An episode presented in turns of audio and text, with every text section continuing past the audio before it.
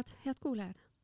täna oleme külla kutsunud meie taskuhäälingus Õhus on uudiseid Yoko Alenderi, teist nime ei peagi nagu ütlema, kui öelda poliitik Yoko ja Pärtel-Peeter Pere, kes veidi aja pärast liitub meie jutuajamisega.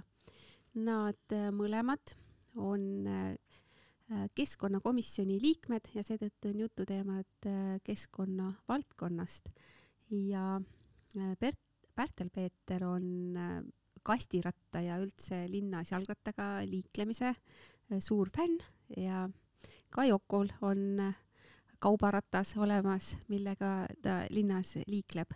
aga põhilised teemad, mis kõne alla tulevad, on siis tuumaenergia arendamise raport avalikustati eelmisel nädalal ja keskkonnakomisjon arutatakse kliimaseaduse loomise üle ja muidugi Pärtel-Peeter valiti nädalavahetusel Tallinna piirkonna, Reformierakonna Tallinna piirkonna esimeheks ja, ja poliitikas selle nädala, ma arvan, kõneaine number üks on ikkagi õpetajate streik, et kas õnnestub õpetajate streik ära hoida.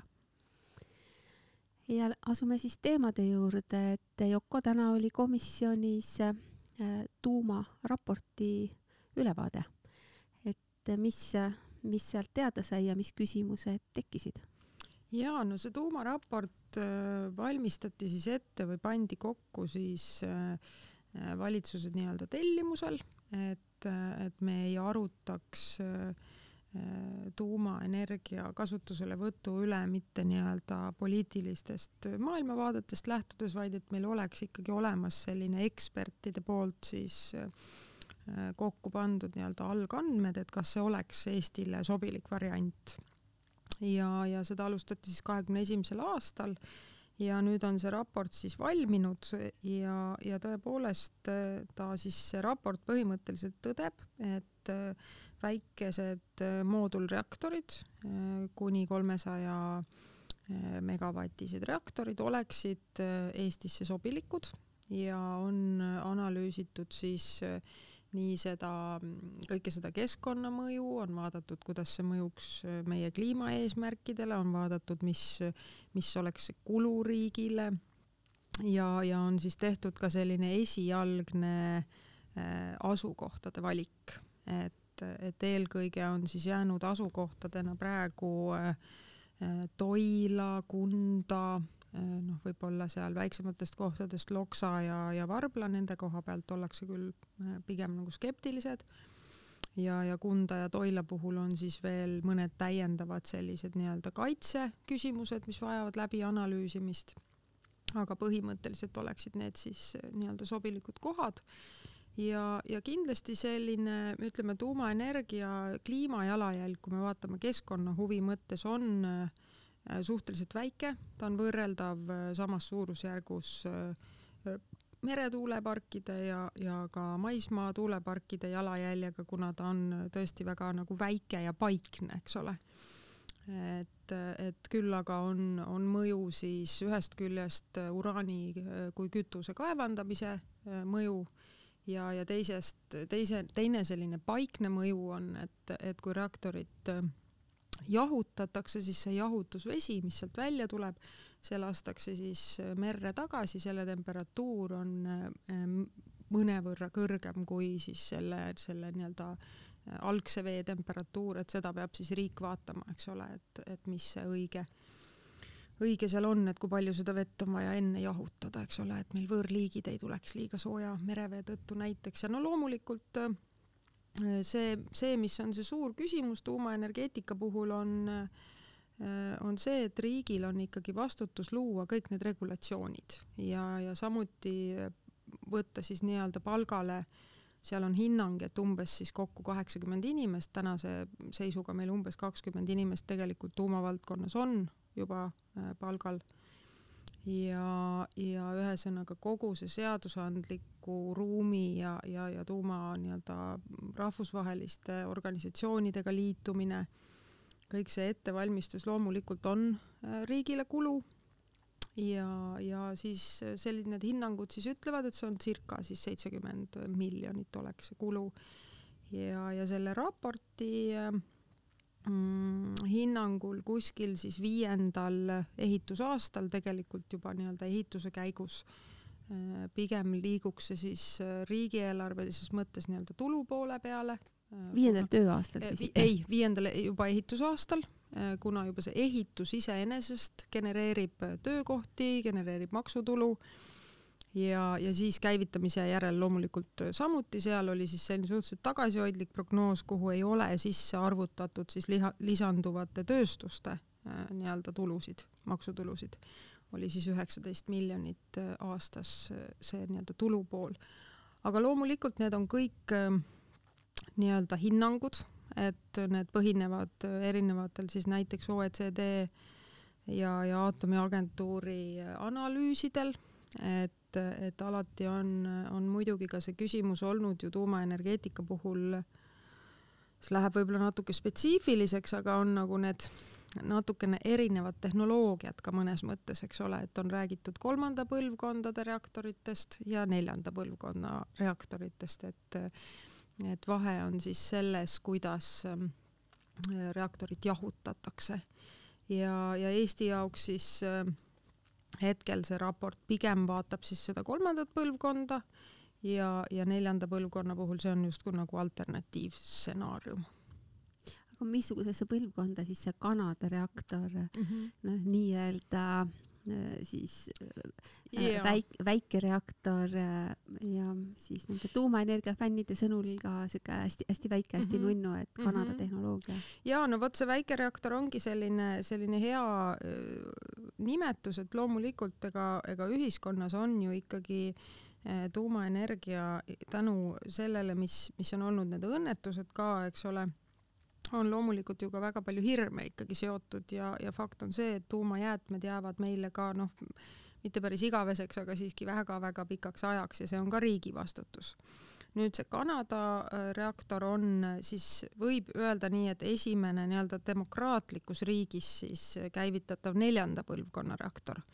et, ähm, et on tegelikult Hiinas äh, on juba äh, käimas üks, üks neljanda põlvkonna reaktor, millel on siis äh, Äh, kuidas selle asja nimi nüüd oligi, gaasi, gaasiline jahutus, vot ma tehnoloogia koha pealt peate siis äh, võib-olla Maarjo Kadastiku, tema, tema kindlasti oskaks selgitada seda tehnoloogiat rohkem, et aga, aga noh, kindlasti, mis ma ise, äh, mis on nagu minu jaoks hästi oluline ja, ja me oleme ju erakonnas ka äh, ikkagi võtmas väga tõsiselt taastuvenergeetika võimaluste nii-öelda arendamist ja, ja kiirendamist, et me kindlasti ei tohi jätta tegemata ühtegi investeeringut, mis meil on plaanitud või mida me oleme plaanimas, sellepärast et me panustame tuumale.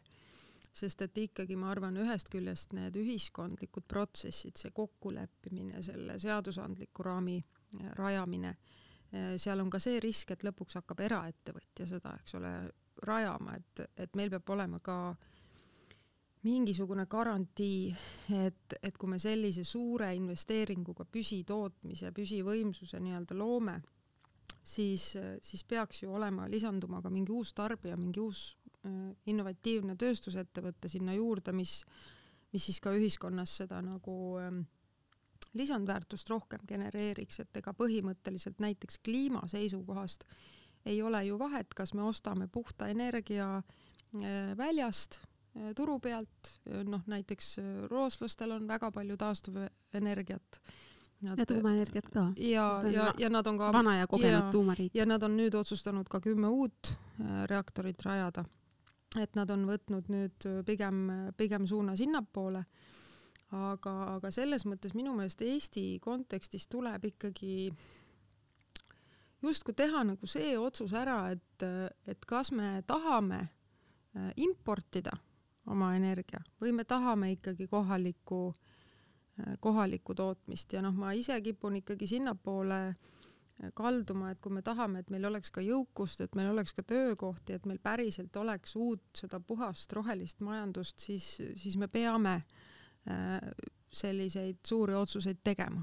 et jah. aga no ütleme ma esimest korda käisin ühel äh, Fermi äh, korraldatud Fermi on siis ettevõte, kes soovib arendada Eestis tuumajaama, et Fermi poolt korraldatud tuumaseminaril, siis seal oli juttu kolmesaja megavatise võimsusega reaktoritest ja siis, kui järgmine kord ma kuulsin Kalev Kallemetsa kõnelemas, siis ta rääkis kuuesaja megavatistest.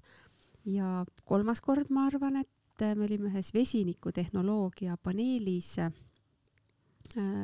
seal Arvamusfestivalil ja siis ta juba rääkis, et see kuuesaja megavatine, et sealt jääb nii palju energiat üle, et tuleb äh, siis vesiniku tootmine teha tuumajaama kõrvale, et tuumajaama ei ole sugugi, tuumajaama tööd ei ole sugugi lihtne reguleerida, et teda üles ja allapoole koormata, et ta peaks äh, nagu saama kogu aeg töötada mm. -hmm. ja kuussada megavatti on Eesti elektritarbimine äh, jaanipäeva ajal mm -hmm. ja siukstel tavalistel suvistel päevadel ja selle Eestis on juba olnud päevad, kui äh, päikesepaneelidest ja tuule elektrijaamadest toodetakse kogu äh, vajamine energiat, need päevad on juba olemas, et kuhu siis nendel päevadel see tuumaenergia panna ja nii, nii suures mahus, et seal tekivad nagu, tekivad uued probleemid ja viimati, kui ma kuulsin, siis oli juba tuhande kahesajast mm -hmm. megavati võimsusest jutt ja et me sellega siis suudaksime siin Eestis terve Baltikumi seda nagu stabiilset äh, tootmist äh, tagada ja siis ma, ma nagu mõtlen, et kas, kas see on äh, Eesti äh, poliitika põhijoon, et need investeeringud, mis ka maksumaksjal tuleb enne teha kui sealt hakkab raha tulema, siis julgeolek ja maksumaksja raha eest ju Elering tegelikult ehitab ka elektri kõrgepingeliinid üles. Et äh, see on nagu maksumaksjale väga-väga suur, suure kuluga otsus peale selle, mis eraettevõtja siis oma reaktorisse veel paneb mm. -hmm. et et äh, viie aasta jooksul iga kord, kui ma kohtusin Fermi Energiaga, oli kontseptsioon muutunud. ja no võib-olla mõnes mõttes muidugi sellele, eks see ongi selline selles mõttes keeruline olukord, et väike riik ja, ja üks konkreetne arendaja, et, et meil komisjonis ka küsiti, et kui palju on siis just neid Fermi, seda Fermi lobi ja neid Fermi nii-öelda andmeid siin, siin kasutatud raportis. et raporti koostaja küll küll ütles, et ei ole äh, väga palju, et põhiliselt on ikkagi nii-öelda need üldised maailma ja, ja Euroopa andmed, eks ole, aga, aga mingil määral tõesti on ikkagi Fermi käest küsitud, kuna me ju riigina eeldame, et tuleb ikkagi eraettevõtja ja, ja teeb selle jaama. aga, aga ma ütleks, seal see loogika on siis selline, et need on, need reaktorid ise on võimsusega kuni siis kolmsada megavatti, eks ole. ja, ja Eesti äh, Eesti siis võrgu loogika kohaselt äh, tuleb siis luua lihtsalt nii-öelda erinevad liitumised, aga raport ise siis tegeleb tõesti äh, kuni nelja reaktoriga ehk siis just nimelt see tuhat kakssada äh, megavatti. Ja, ja minu meelest see, see võib-olla see poliitiline küsimus siin tegelikult ongi ju selles, et millisena me näeme üldse äh, Eesti, ühest küljest Eesti Energia portfelli ja seda, kui palju energiat me ise toodame. noh, mina julgeks arvata, et jällegi, kui me tahame, et meil oleks äh, tuleks siia uusi ettevõtteid, et me looksime töökohti, et me looksime rikkust, siis äh, ilmselgelt see saab tulla elektri, puhta ja odava elektrienergia pealt, eks ole. et seni on Eesti rikkus sisuliselt tulnud äh, Euroopa Liidu toetustest ja, ja loodusressursside ärakasutamisest, eks ole, põlevkivist ja metsast.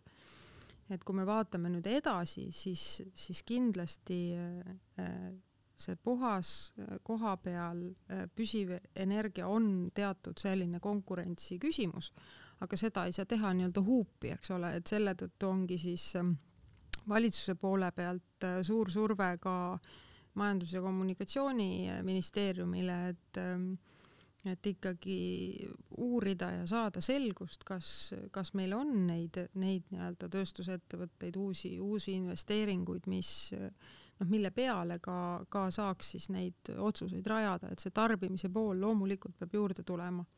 aga, aga ma ei ole ka nende hulgas, kes mm, kes arvab, et me, et me, et me peakski nagu eeldama, et meie energiatarve väheneb, ma ei, ma ei usu seda.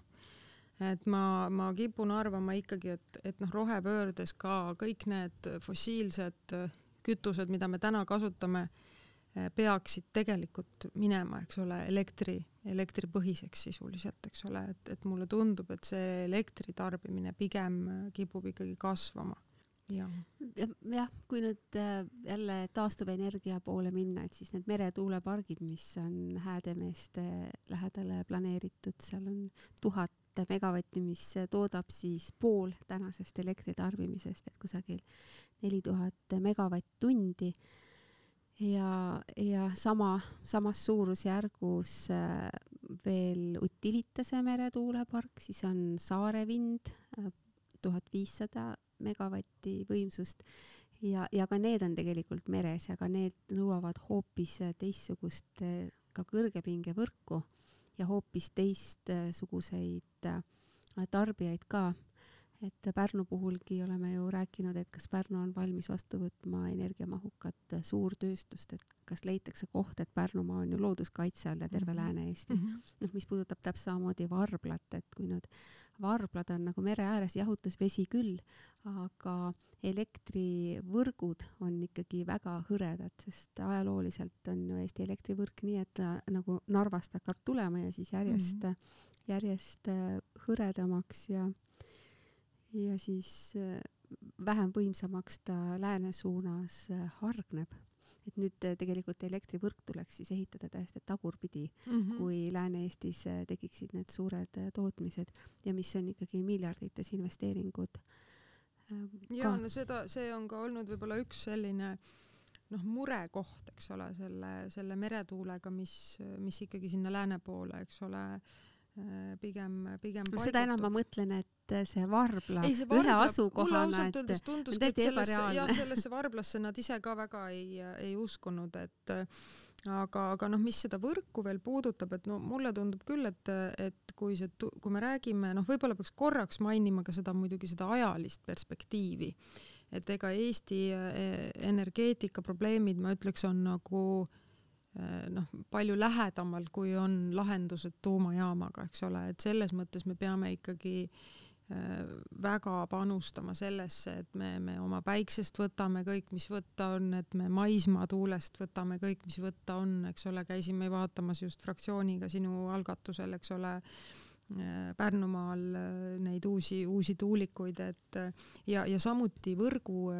selle kasutuse optimeerimine on üks teema, mida me üldse pole ära veel kasutanud, et, et selleks on ju huvitavaid nüüd siis juba tehisintellekti kasutavaid lahendusi, mis, mis nii inimese jaoks viiks kulud alla, võtaks tipukoormusi maha, eks.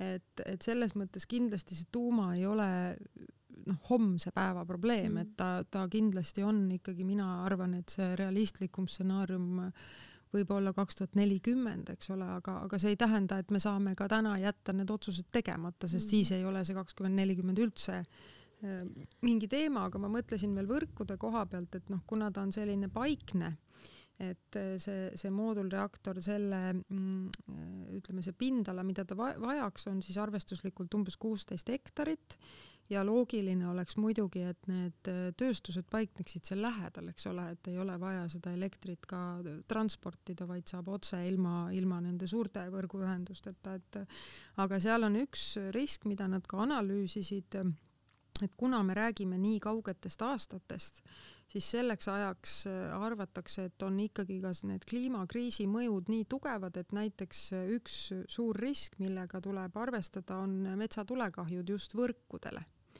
et mm, -hmm. et seda ma pole ja, üldse mõelnudki. jah, see oli täna selline uus fakt, mis tuli, tuli nii-öelda välja, et kuna ma eelmisel meie fraktsiooni kohtumisel ka küsisin, et, et noh, kas üleujutused, ütleme mere veetaseme tõus, siuksed asjad, need nagu ütleme seal Toila, Kunda äh, asukohas ei äh, ei ole riskid, küll aga näiteks risk, mis on juba Prantsusmaal realiseerunud, et nende suurte kevad äh,, suviste põudadega ei ole piisavalt jahutusvett et seda nad nüüd Eesti puhul ähm, seal merelähedases asukohas ei arvanud, et oleks tõenäoline risk, aga küll aga metsatulekahjude just võrkude kontekstis siis oluline, oluline risk, mida, mida siis peaks nagu maandama. jah, et äh, need seminarid alles algavad, homme on Riigikogu konverentsisaalis siis seda raportil baseeruv seminar, ma saan aru, ja Fermi Energia on saatnud kutse äh, kas see oli seitseteist või seitsmes veebruar, seitseteist veebruar vist mhm, oli mm, -hmm. et kõikidel huvilistel, nii, kellel on ükskõik missugune sihuke nagu hoiak, et kas usub või ei usu, et tasub ikkagi ja mul on endal ka plaanis osaleda nii palju kui võimalik, et see, see teema vajab endale selgeks tegemist, et ükskõik, kas see siis kas sa siis äh, argumentidele tuginedes äh, teed otsuse, et toetad või mhm. teed otsuse, et ei toeta. aga need argumendid tuleb endale ikkagi tõsiselt, tõsiselt selgeks teha ja mitte noh, kes meist saaks tuumafüüsikuks äh, kahe-kolme seminariga, aga seal on sotsiaalpoliitilised küsimused ja ka rahalised küsimused, noh, tuleb niigi, niigi selgeks teha. jaa, kindlasti ja, ja ma arvan, et eriti sellise noh, täpselt, et see on, see on huvitav, et kuskil kõhu, kõhutundega on kõigil, ma arvan, mingi seisukoht, et kas ta justkui toetab või ei toeta, aga aga tegelikult loomulikult tuleb ju rajada need otsused ikkagi, ikkagi teadmistele, kõik need valusad ja, ja keerulised küsimused, ka need hirmud, ka need raha suhtes hirmud, eks ole, kas me võtame riski ja mis siis juhtub, kui see eraettevõtja näiteks ei tulegi peale kõiki neid meie investeeringuid, eks ole, et mis siis meie Riigikogu liikmetena, kes siis nii-öelda vastutab, eks ole, et, et kuidas seda riski maandada, et et loomulikult ma arvan, et avatud, avatud mõistlik debatt et ma arvan, et rumalaid küsimusi siin üldsegi mm. ei olegi. ja siin selle võib-olla saate, saate teema võikski kokku võtta, et jälgige reklaami ja, ja külastage neid konverentse, mis praegu korraldatakse mitmel pool. Läheme nüüd järgmise teema juurde, vahepeal äh, liitus meie taskuhäälingu salvestamisega Pärtel Peeter Pere, keda meie, kuna me oleme vanad töökaaslased Riigikogu fraktsioonis, äh, kutsume Pärtliks ja ütleme üksteisele sina nagu alati. tere!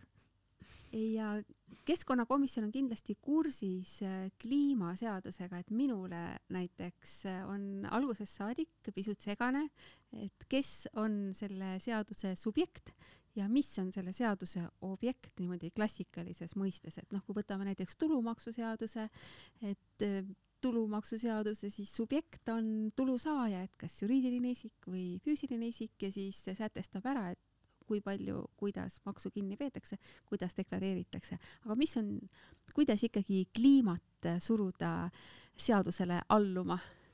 me peame majandustegevuse mahutama looduse piiridesse, nagu meie äh, kolleeg äh, Kristen Michal, kliimaminister ju ütleb ja loosungina ta kõlada ehk võib, aga see on ju eestikeelne tõlge sellest, et meil on planetaarsed piirid, planetary boundaries, millest väljuda me ei saa, me ei saa kasutada rohkem magevett joomiseks või põllumajanduseks, kui loodus seda suudab taastada ja nii edasi.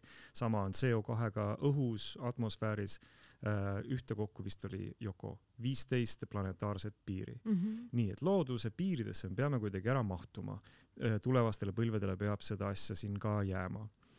ja see on nagu see suurim lähtekoht, ehk et kuidas me siis seda loodust või kliimat seadusesse siin mahutame, proovides seda asja kitsamaks teha. mina olen käinud äh, äh, kahes transpordi ja liikuvuse töörühmas, kuhu mind meie fraktsiooni nimel on läkitatud ja seal me siis vaatame transpordisektorit meil tervikuna linnas ja maal, logistika, eraautod veondus äh, igasugune, äh, maal, õhul, meres. Äh, kuidas me suudame täita neid kokkuleppeid, mis meil on tehtud Euroopa Liidus, mida me oleme omakeskis teinud, transpordi ja liikuvuse arengu, arengukava kaks tuhat kolmkümmend viis ja muud strateegiad, et mida me peame, kuidas tegema kütustega, transpordiliikidega, nende osakaaludega, palju rongi, palju bussi, palju elektriautosid Äh, palju ühistransporti versus eraautosid linnades ja nii edasi. et mida me, kuidas tegema peame, äh, et need asjad oleksid meil ohjes, et me ei läheks tasakaalust välja, et me ei saastaks liiga palju. Äh, ja sellega me näiteks oleme selles liikuvuse töörühmas siis tegelenud. praegu kaks kohtumist on olnud, me oleme vaadanud analüüse, graafikuid, et kus me oleme, kus on CO2 ja mida need trendid näitavad. nii palju näiteks liikuvusest, mida teie, Yoko, seal teete mm? -hmm Äh, kus sina olid, planeeringud ja ehitus mina olen ruumiloomes ja elukeskkond, aga ma võib-olla ka natuke laiendaks seda, seda vastust üldisemalt kõigepealt, et kes, kes on subjekt ja, ja mis on objekt.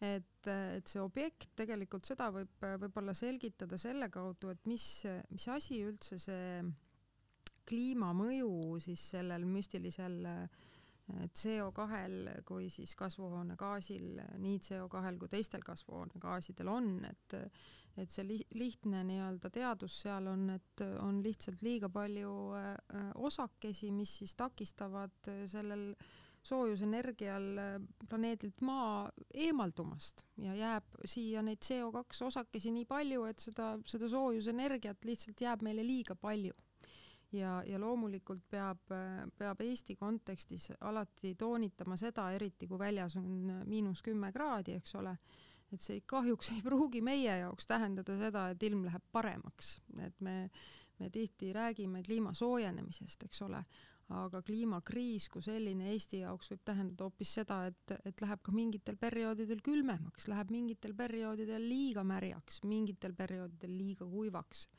ehk siis äärmuslikud ilmaolud, eks ole, sagenevad liiga tuuliseks läheb kindlasti. Läheb ka liiga tuuliseks mingi ja seda minu arust, ma ei tea, kuidas teile tundub, aga mina oma katusekambris juba nagu justkui tajun, ma ei tea. vaata need, kes saarte peal elavad, need tajuvad nagu, eriti hästi, kui laev ei lähe, et neid, just, just. neid päevi, kui laev tuulekiiruse tõttu ei sõida, et siis kui neid on palju, siis ilm on läinud tuulisemaks. ehk siis see objekt on, on tõepoolest siis see nii-öelda meie tegevuse mõju eh, nendele looduslikele looduslikele fenomenidele, eks ole, mis tegelikult seda habrast tasakaalu siin, siin maailmal, maailmas hoiavad, eks ole, meie puhul siis Eestis.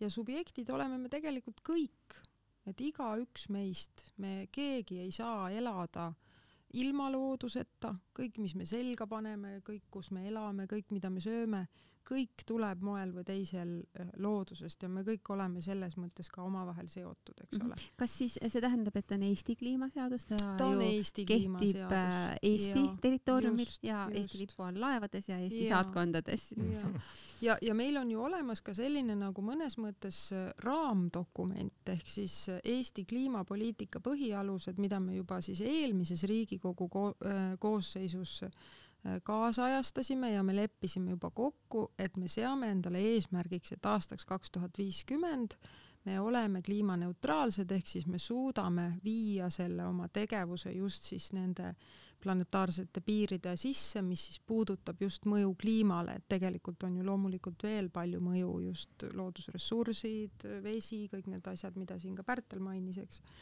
aga nüüd tulles konkreetsemalt selle kliimaseaduse juurde meil on siis erinevad valdkonnad, eh, kus siis seda mõju eh, hinnatakse, et meil on näiteks, eks ole, loomulikult kõige suurem tükk on eh, energia tootmine, elektri tootmine, eks ole, soojamajandus ja, ja transpordil on väga suur tükk, põllumajandus, aga, aga ka selline nähtus nagu, eks ole, ruumiloome, need hooned, kus me elame, see asustus, kuidas me planeerime oma asustust, sellest algab kõik pihta kas me elame linnalises piirkonnas suhteliselt tihedalt või meil on palju valglinnastumist, ehk siis meil on asustuse planeerimisega me reguleerime seda, kui palju inimesed on sunnitud eh, siis ka näiteks autoga sõitma, millest omakorda tekib palju heitmeid, aga lisaks võib-olla tekib ka päris palju sellist mm, kulu inimese rahakotile ja inimese tervisele mõju, eks. et seal ruumiloomes me vaatame jah, tõesti meie hoonefondi, mis on ju üsna vana, kui me võtame nagu sellist Euroopa konteksti, enamus äh, Eesti inimesi elavad Nõukogude ajal ehitatud paneelelamutes, see on kõige tavapärasem, kõige suurem hoonete äh, nii-öelda tüpoloogia või, või hoonete äh, tüüp. Ja, ja meil on käsil tegelikult, me oleme alustamas selle suure renoveerimismaratoniga, eks ole, kus on väga palju raha tulemas Euroopa Liidust, kuidas me siis saaksime need hooned terviklikult renoveerida, samal ajal ka kuidagi seda elukvaliteeti, seda elukeskkonna kvaliteeti tõsta, et, et need on võib-olla need teemad, mida siis me vaatame just selle eh, kliimaseaduse kontekstis eh, ruumiloomes. Ja üldistatud veel siis, et et kliimaseadus justkui kõikides nendes erinevates valdkonnades peaks siis panema paika selle teekonna äh, et ettevõtjatel ja inimestel oleks ka selge arusaam, et kui kiiresti äh, see planetaarsete piiride sisse liikumine nagu toimub, et milliste sammudega, eks ole, või, või milliste, milline on siis see meie nagu eesmärk, kui kiiresti me liigume, et kindlasti me ei saa ju seda pööret teha äh, ära nagu järsku, eks ole, et, et öeldakse ka, et äh, kestlikkus sisaldab tegelikult nagu kolme aspekti, eks ole ühest küljest see keskkonnamõju, aga teisest küljest ka majanduse poole pealt me peame sellega kuidagi hakkama saama, meil peavad kuskilt tulema vahendid, et renoveerida, eks ole, inimesed peavad suutma materjalid seda, materjal samamoodi, aga, aga et inimesed peavad ka suutma nagu kokku leppida see sotsiaalne pool, et ühistud eh, saaksid kokkuleppele, et ka, ka vanemad inimesed näeksid mõtet, et miks ta peab selle võib-olla kolmkümmend eurot kuus rohkem maksma oma üüri, eks. üks asi, mida on välja toonud äh, rohetiiger Mikk Vainik, äh, on seal arenduspealik nüüd ja ta kirjutas, et peaks olema sees no backsliding printsiip ehk et me ei tohi taganeda või tagasipoole liikuda oma juba võetud kohustustest, kliimaeesmärkidest. ja säärast printsiipi üritab näiteks siis sihtasutus Rohetiiger sinna sisse ma saan tema blogipostituste järgi aru, sisestada. ehk et kui me oleme midagi kindlaks leppinud, mingisuguse arvulise mõõdetava sihi kogu majanduse või mingi sektori peale või kuidagi aastaks N, arvatavasti kaks tuhat viiskümmend, et siis me kuidagi seaduses kaitseme ka selle ära, et kui tuleb mingi järgmine valitsus teistsuguste poliitiliste värvidega, et me siis ei hakka lihtsalt poliitilistes tõmbetuultes äh, seda asja päevapoliitikas äh, kuidagi tagasi pöörama et see no backsliding printsiip on siis tuttav asi, noh, sellisest kliimakriisi maailmast ja teistest äh, kliimaseadustest. ja iga nelja aasta tagant valimised võivad alati nagu, nagu me teame, asju jalgade pealt pea peale ja vastupidi tõsta, et selles mõttes äh, et ei ole kindel, kas näiteks mõni teistsugune Riigikogu koosseis kliima, kliimaseadust väga tõsiselt võtab või muudab ära, mida on varemgi muudetud, pikki strateegiaid, näiteks pensionisüsteem. võib-olla selline seadus nagu kliimaseadus on selles mõttes see koostamise protsess on olulisem kui see lõpptekst ise. et see, et meil käivad koos ettevõtjad äh, mittetulundusasutused, Riigikogu liikmed, ametnikud istutakse koos, arutatakse päriselt asjad läbi, kuidas me jõuame nende eesmärkideni.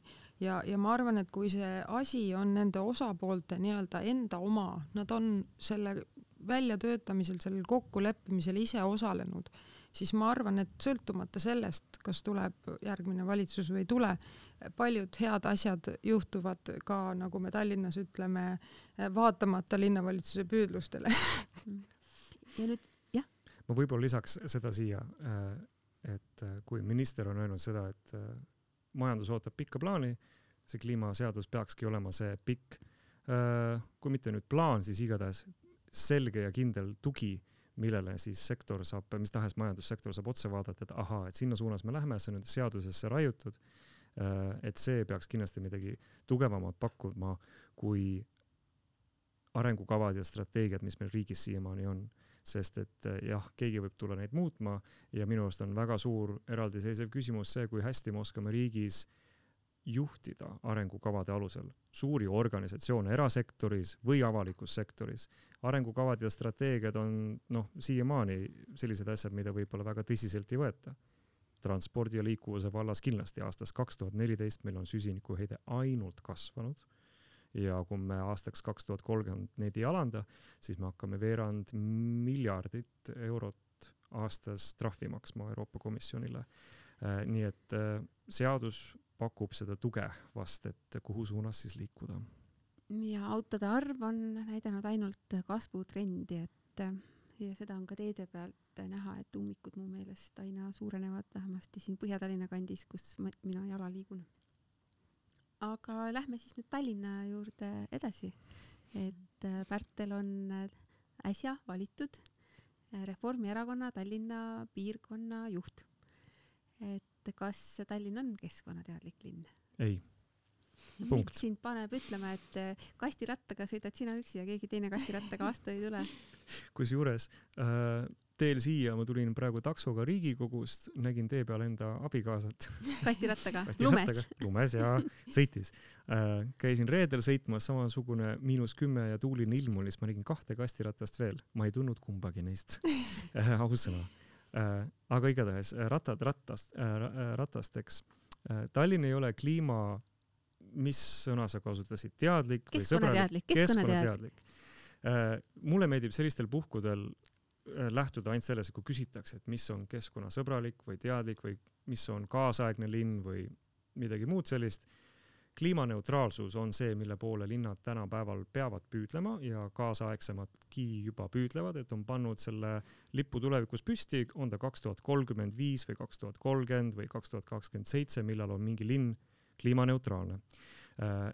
Lahti linn, endine Euroopa roheline pealinn, üks väike linn Soomes, kaks tuhat kakskümmend seitse, nemad ütlesid, nemad on siis äh, kliimaneutraalne äh, ja nii edasi. et kui me ütleme, et midagi on sõbralik või teadlik, see on sihuke vaataja silmades värk, me võime kõik nagu aru saada siin ruumis ja kuulajadki, et noh, jah, et noh, sõbralik, noh, aga linna puhul me räägime ikkagi organisatsioonist, mõõdetavatest konkreetsetest asjadest. liiklus, sellest me vist oleme piisavalt rääkinud, jäätmed hoonete renoveerimine, kust tuleb energia, mis on selle jalajälg ja palju muud, mis on kõik mõõdetav äh, ja ajas mõõdetav ja Tallinnal on miski kliimakava kaks tuhat viiskümmend, Tallinn aga näiteks keeldus äh, osalemast Euroopa Liidu ühes programmis Sada kliimaneutraalset linna. Tartu on seal olemas Helsingi, Stockholm, Riia on seal olemas.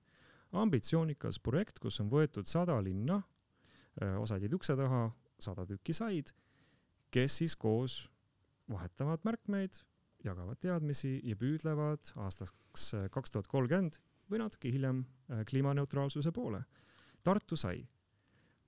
Tallinn ütles äh,, Vladimir Svet äh, tema suu läbi Abe linnapea suu läbi, et eh, nemad peavad seda, mis see sõna oli vist ikka seesama, et ebarealistlikuks ja liiga kalliks.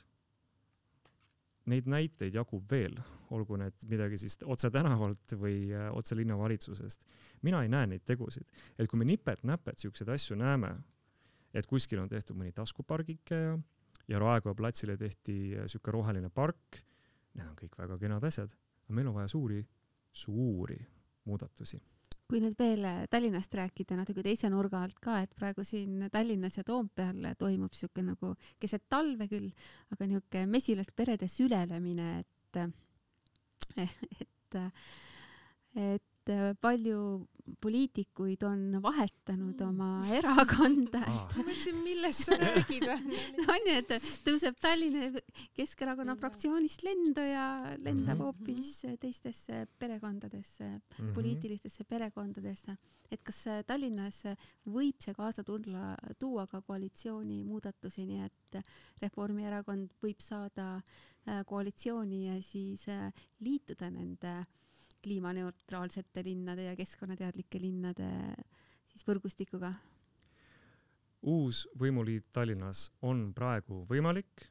praegu on kuueteistkümnes jaanuar ja millalgi homse ja paari kuu vahel see loodetavasti juhtub. see sõltub aga eeskätt sotsiaaldemokraatidest. praegu ajal, mil tõesti Äh, selline jah, kõik töökad mesilased omavahel räägivad nii ülalinnas kui alalinnas. Äh, kõik on praegu veel võimalik. Äh, võti on sotside käes, kõik teeme, teeme, kõik me teeme tööd selle nimel, et nii ta läheks ja, ja, ja vaatame, aeg annab arutust praegu. et äh, midagi täpsemat ma hetkel ise öelda ei saa äh, sa oled väga jätad väga sellise põneva mulje, et, et ei taha, mina küll ei, ta, ei julgeks ootusi väga üles kütta, et mulle tundub, et sotside valijad võiksid ikkagi neile meelde tuletada, et tegelikult nemad hoiavad sedasama vana vastikut keskerakondlikku onupojapoliitikat täis mm -hmm. ebaefektiivset juhtimist ja, ja sellist mugandumist täis linnavõimu paigal, et, et kui me tahame ikkagi päriselt nagu äh, nagu sotsidki ütlesid, et nad sooviksid põhjamaist äh, pealinna, siis minu meelest neil tuleks ringi vaadata, et kellega koos seda on võimalik äh, teha. just, no hakkame või homme pihta selle põhjamaise pealinnaga. no aga... ma arvan küll ikkagi, et, et õige on ikkagi eesmärgi püstitada, et me tahame põhjamaist linna ja siis mm. poliitikud siis sumisevad ja, ja proovivad kokku leppida, et saaks, saaks vahetada lehte siis Tallinna linnavalitsuses. sotside enda valijad ka, sõbrad ja, ja mittesõbrad võiksid neile seda meelde tuletada, et ja kõik sotside valijad, kes te meid kuulate Marss..., palun võtke ühendust oma kohaliku volikogu liikmega, liikmega ja soovitage neile seda. ja öelge neile, et me tahame põhjamaist linna. et äh, aga, aga tõesti, et äh, sotsidel on praegu see valik, et kuidas nad siis jätkata tahavad, et mhm. see, mis iganes praegu toimub, kuidas me seda nimetaksime või midagi paremat. värskeid mm. tuuli oleks ikka hädasti pealinna vaja tõesti mm. -hmm. ja mis, mis veel ka üle riigi tegelikult on Tallinna ja pealinna probleem niimoodi rullinud, on ju õpetajate streik. et tegelikult on õpetajate palgad niimoodi mitte konkurentsivõimelised võrreldes teiste palkadega Tallinna linnas, just nimelt Tallinna linnas ja koormused on kõige suuremad, et ma tean, et Jokol käib neli last koolis, sul käib kolm last koolis ja minul käib äh, üks laps äh, koolis, küll mitte äh, õppimas, vaid õppeala juhatamas ja mm. õpetamas ka mm. natukene selles mõttes. oleme koolieluga oma perekonnas kõik kursis. et ja, ja noh, ütleme asja tuum ongi nüüd selles, et Eesti on hariduse usku. Ja, ja Toompeal ma olen rahanduskomisjoni liige ja ma tean täpselt, et Eesti osalus või osakaal SKP-st kuus, kuus koma kaks, kuus koma üks, kuus koma kolm, sõltuvalt nüüd aasta skp suurusest, on äh, haridusministeeriumile eraldatud. Ja see on põhimõtteliselt äh, miljard eurot kõik kokku. Õpetajate palgast kusagil miljonit. see on üsna kõrge Euroopa see on Euroopa tipus. Ja, ja siis kõikidest valitsussektori kuludest neliteist protsenti, ka sellega me oleme Euroopa Liidu tipus, mis tähendab seda, et maksumaksja on äh, maksimaalselt heldelt tegelikult maksuraha andnud äh, haridusministeeriumisse -hmm. hariduskulude katteks ja neid, seda raha kasutab äh, haridusminister ta on vastutav selle eest, et see raha oleks kasutatud niimoodi, et õpetajatel oleks väärikas palk ja, ja noh, ütleme nüüd siin tulevad need Eesti arengu erinevused ka hästi-hästi äh, teravalt välja muidugi, et äh, inimesed on väga kiiresti liikunud siia Tallinna regiooni ja palgad on siin, keskmine palk on üle kahe tuhande ja õpetaja palk jääb sinna alla ja samal ajal teistes piirkondades, noh, Saaremaal on üks kool, kus on neli õpetajat, neli õpilast ja, ja Saaremaa, Valgamaa ja Hiiumaa keskmine palk on kusagil tuhat kolmsada, tuhat nelisada ja noh, ütleme nendes piirkondades sellest kohalikust keskmisest õpetajad saavadki sada kakskümmend ja sada viiskümmend protsenti, aga Tallinnas saavad alla nagu saja protsendi ja koormus, õpetajate koormus on just nimelt nagu Tallinnas. ja siis ma olen näinud arvutusi, Kaspar Oja arvutusi, et Tallinn mitte isegi ei maksa äh, riigi poolt arvestuslikult eraldatud, äh, õpetajate palgaks eraldatud raha mitte isegi õpetajatele välja. et äh, noh, see teised, teised vallad peale, maksavad jah. peale ikkagi ja ma saan aru, et ka Harjumaa nagu vallad maksavad kõik peale, aga vot Tallinn ei, ei maksa.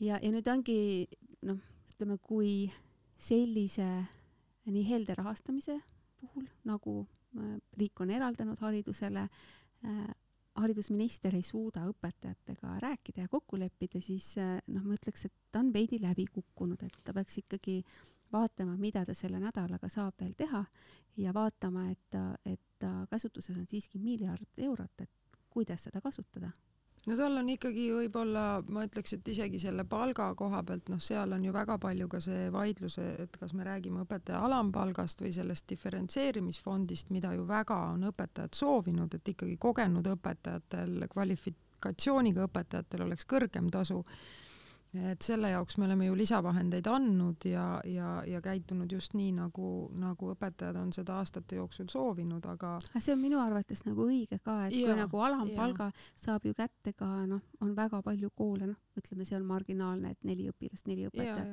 aga on küllalt ja päris palju selliseid koole, kus on kolmkümmend õpilast ja kümme õpetajat, et ühe õpetaja kohta alla kümne nagu lapse, et noh, selge see, et see koormus ei ole ju üldse mitte midagi, ma ei tea, kirjandite läbilugemise või, või selliste küsimustega mis, mis võtavad ütleme suure klassi õpetajal ikkagi aega, et noh, kui seda alampalka nagu, nagu tõsta ja siis teine probleem veel, et miks minu arvates probleem ei ole mitte niivõrd alampalgas, kuivõrd kõige siis suurema koormusega ja kõige nagu kvalifitseeritumate õpetajate madalate palgastasemes, on see, et meil on ka mitusada õpetajat, kellel on põhiharidus kahjuks.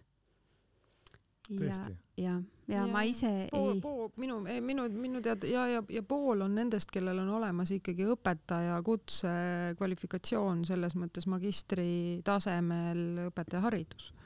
Et pool, pooled õpetajatest on, on minu teada mitte mitte siis õpetajad. erialase ja. kõrgharidusega. et, et selles mõttes, et siin on nii mhm. palju süsteemseid probleeme haridusministril, millega tegeleda, mis, mis loomulikult, mille osa on ka palk ja mille tulemus on võib-olla see, et tekib vahendeid seda, seda palgatõusu hoida ilusti, aga, aga seesama koolivõrgu reform, õpetajate järelkasv, õpetajate karjäärimudel, et tegelikult on siin hulk-hulk tööd, mis, mis kõik tuleb ära teha selleks, et see, see õpetaja väärtustamine oleks, oleks tehtud. ja noh, peaks nagu vaatama oma nagu maja poole selmet siis Äh, ma ei tea, rahandusministri poole või teiste valdkondade poole, et kellelt peaks raha ära võtma ja nagu juurde andma haridusse. ja meie ju vestlustest äh, fraktsioonis Riigikogus on välja koorunud ka see, et raha, nagu sa rääkisid, läheb palju haridusse, peabki minema, haridus on tähtis, nii, aga et ebaefektiivne koolivõrk sööb seda suuresti ära ja see valdkond vajab paremat juhtimist haridusministrist alates. kui me võtame Tallinna ja omavalitsuste perspektiivi, jah Äh, need äh, vallad, mis Tallinna ümbritsevad, nagu sa välja tõid, maksavad oma eelarverealt õpetajatele rohkem palka juurde, et nad seal töötaksid. sellepärast nad teevadki seda. Tallinnal on suur häda eestikeelsele haridusele üleminekuga. omaette suur teema, miks on Keskerakond sellega jalgu nii kaua lohistanud. Kui nad ütlevad, õpetajatest on puudu ja et on puudu eesti keelt oskavatest õpetajatest, no siis saab need kaks äh, väljakutset panna kokku, maksta rohkem palka juurde. ei ole see midagi sihuke populistlik või ebarealistlik ülesande püstitus, kui ümberkaudsed vallad saavad seda teha, siis üle miljardilise eelarvega linn saab seda ka teha. äsja maksti üle kolme miljoni euro preemiaid linnas välja, mis oli sisuliselt kolmeteistkümnes kuupalk väga-väga äh, paljudele linnatöötajatele jah, nende seas oli ka õpetajaid, aga väga palju ka mitte. või siis seesama linnameedia, mis on ligemale kolm miljonit eurot aastas ja nii edasi, et, et seda raha linnal leidub küll ja veel, aga ometi jah, lihtsam on öelda, et jah, meie toetame streiki siin Tallinnas ja meie maksame väga heldelt streigi ajal ka palka. Jah, sisulisemat tööd võiks teha. tõsi linn siis, vabandust, mitte õpetajad, õpetajad Õpetajad väärivad kindlasti head palka, aga jah, alustame haridusministrist ja Tallinnas kindlasti saab linnavalitsus palju-palju rohkem teha. nii, see oli nüüd selle nädala selline kuum teema, mis, mis meil koalitsioonierakonnaga nagu palju kõneainet pakub ja me mõtleme, et kus on see viga tekkinud ja kuidas, kuidas seda lahendada, et õpetajastreiki siiski veel ära hoida. Et kõigil, kõigil on lapsed vaja kooli saada ja lastel on vaja need äh, õppeained ja kursused äh, läbida. aga nüüd päris lõpetuseks, meie kolmekümnes jaanuar on Eesti kirjanduse päev. mina lugesin juba läbi äh, Vareda. oi, oi, oi. ma nägin küll Sven Mikserit seal Anu saates, aga lu- lugemise kodutöö on mul no tegemata onju, ma lugesin äh, läbi. see on väga spetsiifiline raamat, et minu raamat see ei olnud, olgem nüüd ausad. aga, okay.. ja aga, aga see aga tal pidi nagu, veelgi, ta pidi veel kirjutama, võib-olla järgmine. võib-olla järgmine, võib-olla siis järgmine, aga kas te olete hiljuti midagi eestikeelsest, eesti kirjandust lugenud või on teil plaanis midagi kätte võtta? mõlemad ohkavad. mina äh, lugesin terve sügise kliimaraamatuid äh, kliimateadlaste poolt ja nüüd ma tellisin endale äh, viis-kuus raamatut äh, ühistranspordist, parkimispoliitikast ja muust säärasest mahlasest, aga kui eestikeelsest kirjandusest rääkida, ma ei ütle, millal ma seda lugesin, aga ma väga soovitan sellist raamatut nagu äh, Viimased tuhat päeva, mille kirjutas Andris Feldmanis, kes on üks äh, nendest äh, Cannes'i auhinna äh, võitnud äh, stsenaristidest koos äh, Liiv ja äh, Liiv ja Need Ulmaniga on ju. kõlavad nagu. Läti nimed ju. Nonii Läti suursaadik muidu on kirjandusteadlane ja kirjastaja. äh,, Andrise, nad on ka mul naabrid, et äh, tema, tal on Läti verd ja viimased tuhat päeva on äh, suurepärane raamat, mis räägibki inimkonna viimasest tuha- äh,, tuhandest äh, päevast. äärmiselt ilus äh,, ilus proosa, soovitan. No- võtan kindlasti soovituse, kirjutan märkmikku. mina küll olen ka natukene lätlane ja olen ka natukene kirjastaja, et seetõttu ma tõesti kõige rohkem olen lugenud viimasel ajal oma viimati kirjastatud raamatut eestikeelsena Taani autorite teos Kuidas uurida elu avalikus ruumis, et see jätkab mul seda hea elukeskkonna sarja ja seal on sellised head lihtsad kõigile, ei pea olema arhitekt, ei pea olema planeerija, et just kuidas seda elu, mis tänavatel meie kõigi ühine selline kogukondlik elu ja, ja ka meie võib-olla mõnele inimesele on see ainus liikumine, ainus kohtumine teiste inimestega, et miks, miks on oluline ja kuidas seda elu eh, tänavatele tuua, et, et no ma muidugi selle ma muidugi ei tea, kust nagu Yoko selle aja võtab, et ta jõuab lugeda ja kirjastada ja siis veel kord lugeda ja doktoritööd kirjutada, et aga noh, ega minulgi, ma põhiliselt loen eelarveid, et teatavasti riigieelarve on nii umbes tuhat lehekülge, aga ma nagu jälgin, et ma ikkagi midagi muud ka loeksin peale aruannete ja eelarvete. see on, ma arvan, vaimsele tervisele väga oluline. aga sellega lõpetame ja siis aitäh raamatusoovituse eest ja järgmisel nädalal äh, uued jutud ja lugema. väga tore, et kutsusid, aitäh! aitäh